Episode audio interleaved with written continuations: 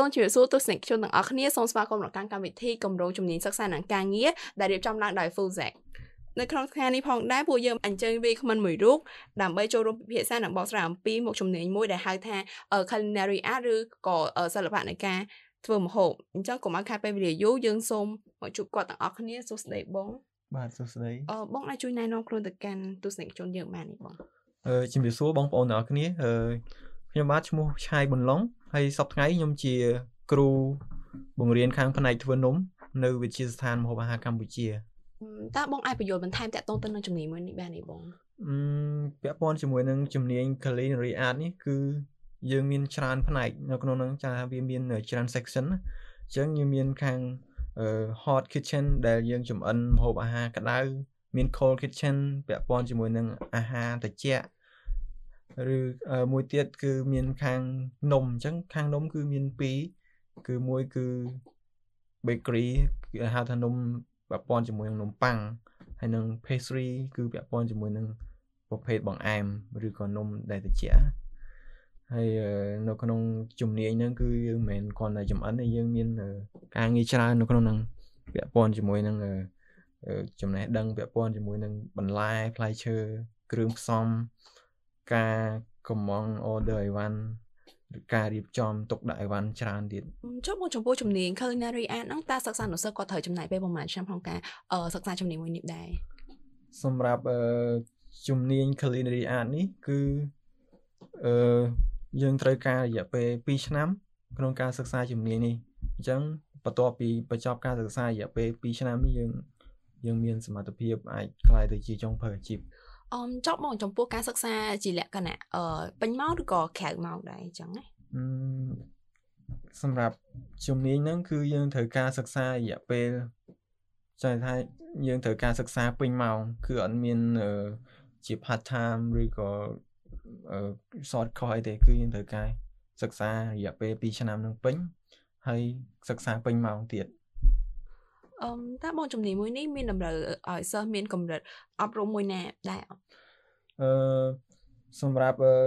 តម្រូវការនៃការអប់រំគឺយើងអត់បានកំណត់ថាគាត់ត្រូវតែបញ្ចប់ការសិក្សាក្នុងកម្រិតណាមួយ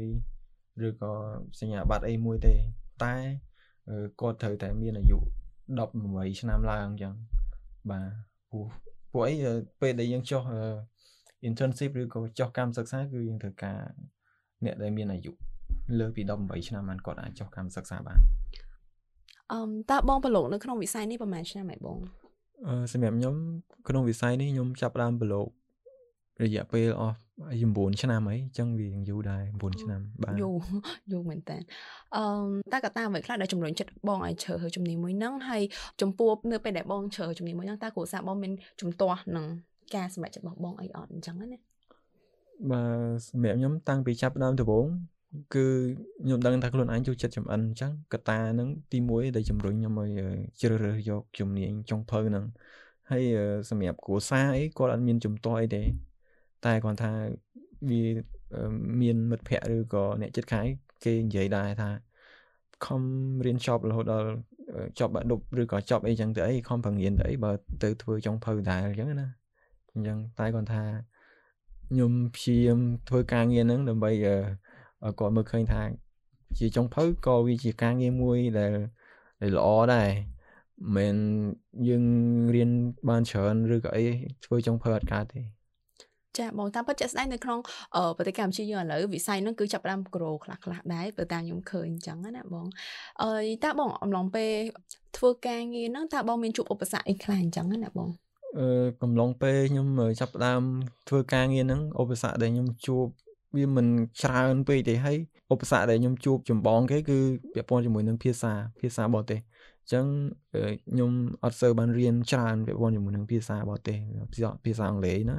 អញ្ចឹងពេលដែលប្រឡូកក្នុងវិស័យការងារហ្នឹងយើងត្រូវជួបប្រស័យតាក់ទងជាមួយនឹងបរទេសជនបរទេសឬក៏ chef បរទេសច្រើន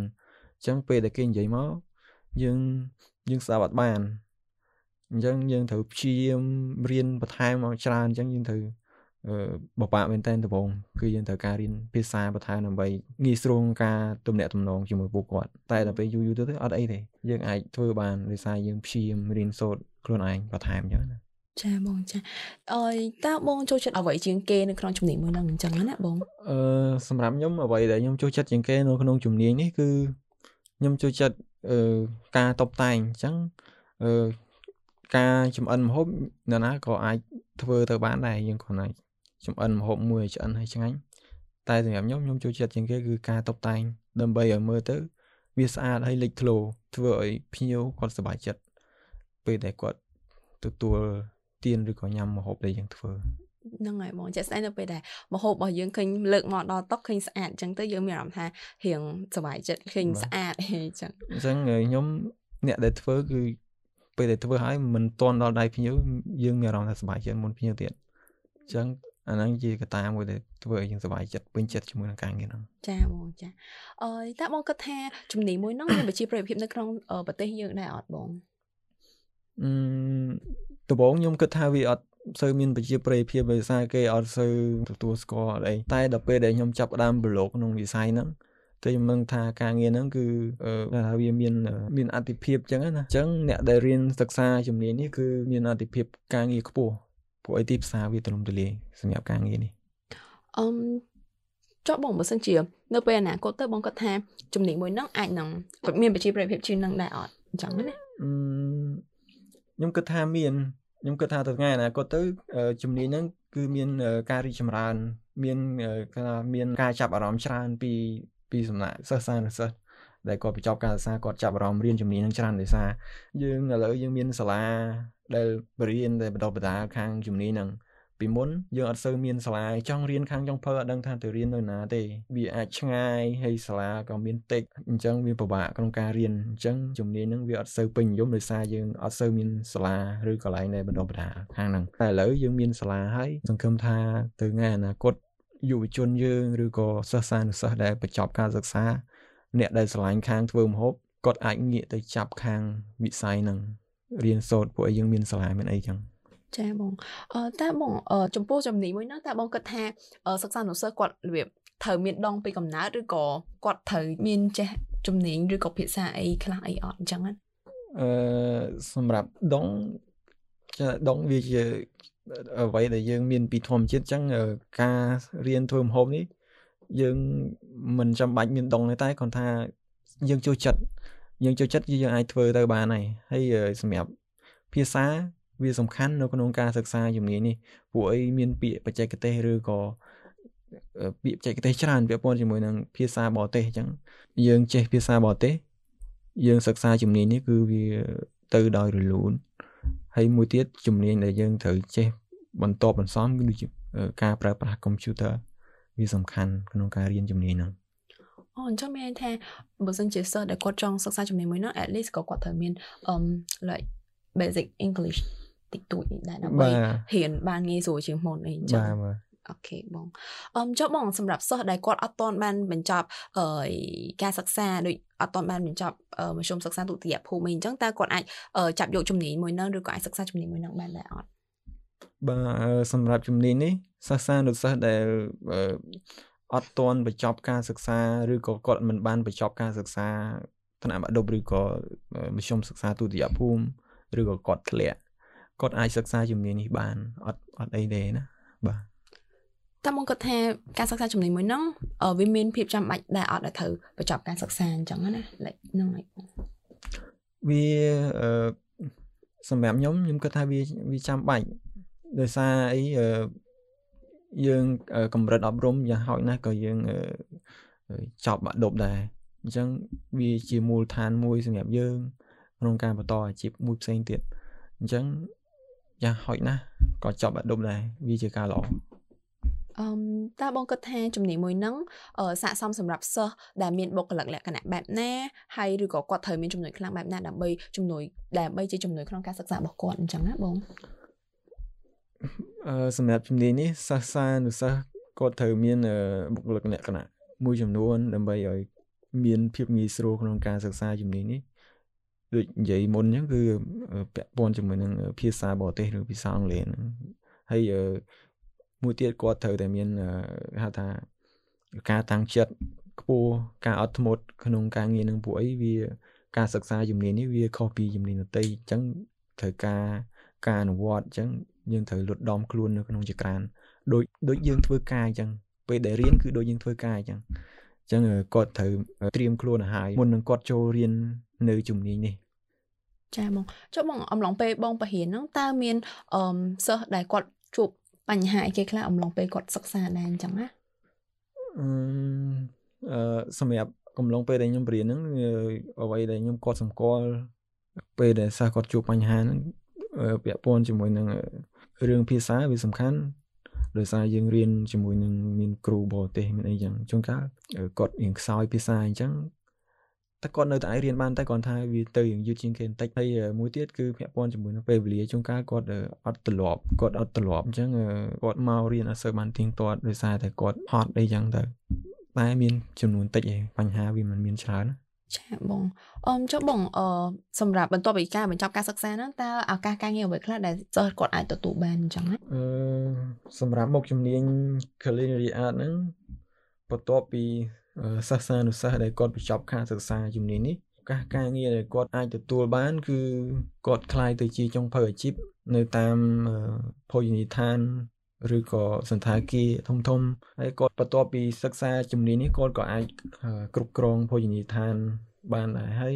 បើសិនជាគាត់អត់ចង់ធ្វើការទេគាត់អាចទៅបើកជាអាជីវកម្ម business ខ្លួនឯងឬក៏ភោជនីយដ្ឋាននេះបានចុះបងចំពោះអ្នកដែលគាត់ទៅតែចូលធ្វើការដំបូងអីអញ្ចឹងតើគាត់អាចទទួលបានប្រាក់ខែក្នុងកម្រិតណាមួយដែរអឺសម្រាប់ ប្រាក់ខែកម្រិតប្រាក់ខែដែលគាត់អាចទទួលបាន គឺយើងអាចនិយាយបានថាចាប់ពីកម្រិតមធ្យមឡើងហើយណាជំនាញនេះអញ្ចឹងវាជាជំនាញដែលកម្រអញ្ចឹងមានថាកម្រធនធាន តែទីផ្សារវាទូលំទូលាយអញ្ចឹងពេលអ្នកដែលចេះជំនាញនេះគឺគាត់ទទួលបានប្រាក់ខែយើងនិយាយថាវាចាប់ពីមធ្យមឡើងហើយវាអត់ទៀបអូនជួយមើលថាជាក់ស្ដែងទៅដល់ពេលដែលគាត់អមថាគាត់ upgrade ខ្លួនឯងកាន់ទៅច្រើនទៅគឺប្រាក់ខែវាកាន់តែខ្ពស់ទៅទៀតហើយនិយាយទៅគឺជំនាញដែលរៀបរៀង កម្រអញ្ចឹងអាចថា salary គឺរៀងខ្ពស់អីអញ្ចឹងណាបងបាទបើសិនជាយើងប្រៀបធៀបទៅនឹងការងារដែលដូចគ្នាដូចចង់និយាយថាវិស័យសន្តាគារឬក៏បដិសាកិច្ចនឹងដូចគ្នាបើយើងប្រៀបធៀបទៅ ការងារចុងភៅហ្នឹងប្រាក់ខែអញនឹងលើគេអញ្ចឹងខ្ញុំនិយាយអញ្ចឹងអូខេបងចាអឺចុះបងក្រៅពីការសិក្សានៅសាលាតើបងមានកលឹះអ្វីខ្លះដើម្បីឲ្យសិស្សគាត់បានយល់ដឹងបន្ថែមឬក៏មានតម្រូវការអីគេខ្លះឲ្យគាត់បានយល់ច្បាស់ពីជំនាញហ្នឹងឲ្យច្បាស់ជាងមុនអញ្ចឹងណាបាទក្រៅពីសិក្សានៅសាលាយើងអាចយើងអាចសិក្សាតាមវិធីផ្សេងផ្សេងច្រើនទៀតដូចជាការស្រាវជ្រាវនៅតាមអ៊ីនធឺណិតអឺ ការអានសភៅអញ្ចឹងការអានសភៅមានថាយើងចង់ដឹងចង់ចេះអំពីជំនាញចំអិនម្ហូបអាហារគឺយើងព្យាយាមរកសភៅដែលពាក់ព័ន្ធជាមួយនឹងម្ហូបអាហារអញ្ចឹងការអានសភៅវាជារឿងមួយទៀតដែលសំខាន់មែនតើបន្ទាប់ពីយើងសិក្សានៅសាលារៀនវាជួយយើងច្រើនដោយសារតែក្នុងសៀវភៅហ្នឹងគឺមានលំអិតឲ្យយើងច្រើនអញ្ចឹងយើងអាចមាន idea ថ្មីថ្មី ក្នុងការបង្កើតម្ហូបដែលថ្មីឬក៏ច្នៃប្រឌិតម្ហូបដែលថ្មីថ្មីអូខេបងអឺតើបងអឺក្រៅពីអឺជំនាញសម្រាប់ជំនាញ culinary art ហ្នឹងក្រៅពីអឺសាលាវិទ្យាស្ថានម្ហូបអាហារហ្នឹងតើបងមានស្គាល់ជាអឺសាលាណាដែលសិក្សានៅសិស្សគាត់អាចទៅរៀនបានអត់បងអឺសម្រាប់ជំនាញខាងម្ហូបអាហារហ្នឹងគឺក្រៅពីសាលាវិទ្យាស្ថានម្ហូបអាហារកម្ពុជាខ្ញុំ អ្វីដែលខ្ញុំធ្លាប់ដឹង គឺយើងមានសាលាផ្សេងទៀតដែលបណ្ដុះបណ្ដាលខាងហ្នឹងអញ្ចឹងនៅភ្នំពេញហើយនឹងនៅសៀមរាបអញ្ចឹងណាអញ្ចឹងបើសិនជាខ្ញុំអាចលើកឡើងនៅភ្នំពេញយើងមានសាលាគេហៅសាលា PSE អញ្ចឹងសាលា PSE ហ្នឹងគឺជាសាលាអង្គការអញ្ចឹងគេអត់គិតលុយទេ តែគ្រាន់ថា គេទទួលយកតែសិស្សដែលក្រីក្រទេនៅសាលា PSE ហ្នឹងណា ហើយនឹងសាលា Pulled Brew នៅសៀមរាបក៏មានបណ្ដុះបណ្ដាលខាងផ្នែកម្ហូបអាហារហ្នឹងដែរតែគាត់ថាកម្មវិធីសិក្សាវាអត់ដូចគ្នាវាខុសគ្នាក្នុងថានៅសាលានោះគេបណ្ដុះបណ្ដាលថាខាងធ្វើម្ហូបនឹងធ្វើម្ហូបអញ្ចឹងទៅហើយធ្វើនំធ្វើនំផ្សេងទៅតែសម្រាប់នៅវិទ្យាស្ថានម្ហូបអាហារកម្ពុជា គឺយើងបង្រៀនទាំងអស់ហ្មងទាំងម្ហូបទាំងនំអញ្ចឹងពេលដែលបញ្ចប់រយៈពេល2ឆ្នាំហ្នឹងទៅគាត់មានជំនាញទាំងអស់ពាក់ព័ន្ធជាមួយនឹងការចំអិន ចាបងអមចុះបងចំពោះអមនៅវិទ្យាស្ថានមហូបអាហារកម្ពុជាហ្នឹងតើមានផ្ដល់ជាអាហារូបករណ៍ដល់សិស្សដែលគាត់ចង់សិក្សាជំនាញមួយហ្នឹងដែរអត់អឺសម្រាប់វិទ្យាស្ថានមហូបអាហារកម្ពុជា គឺ មានអាហារូបករណ៍គឺមានណាចឹងមានន័យថាគាត់អាចទៅអឺស្វែងរកអាហារូបករណ៍របស់គាត់បាននៅសាលាឬក៏អាចចូលក្នុង Facebook បាទសម្រាប់ព័ត៌មានបន្ថែមតាក់ទងជាមួយនឹងអាហារូបករណ៍ពួកគាត់អាចអឺទៅតាក់ទងទៅផ្ទាល់នៅសាលា រៀនផ្ទាល់តែម្ដងឬក៏គាត់អាចអឺតាក់ទងតាម Facebook page របស់វិទ្យាស្ថានរបស់បានកម្ពុជាបានអូខេបងអញ្ចឹងបងមានជា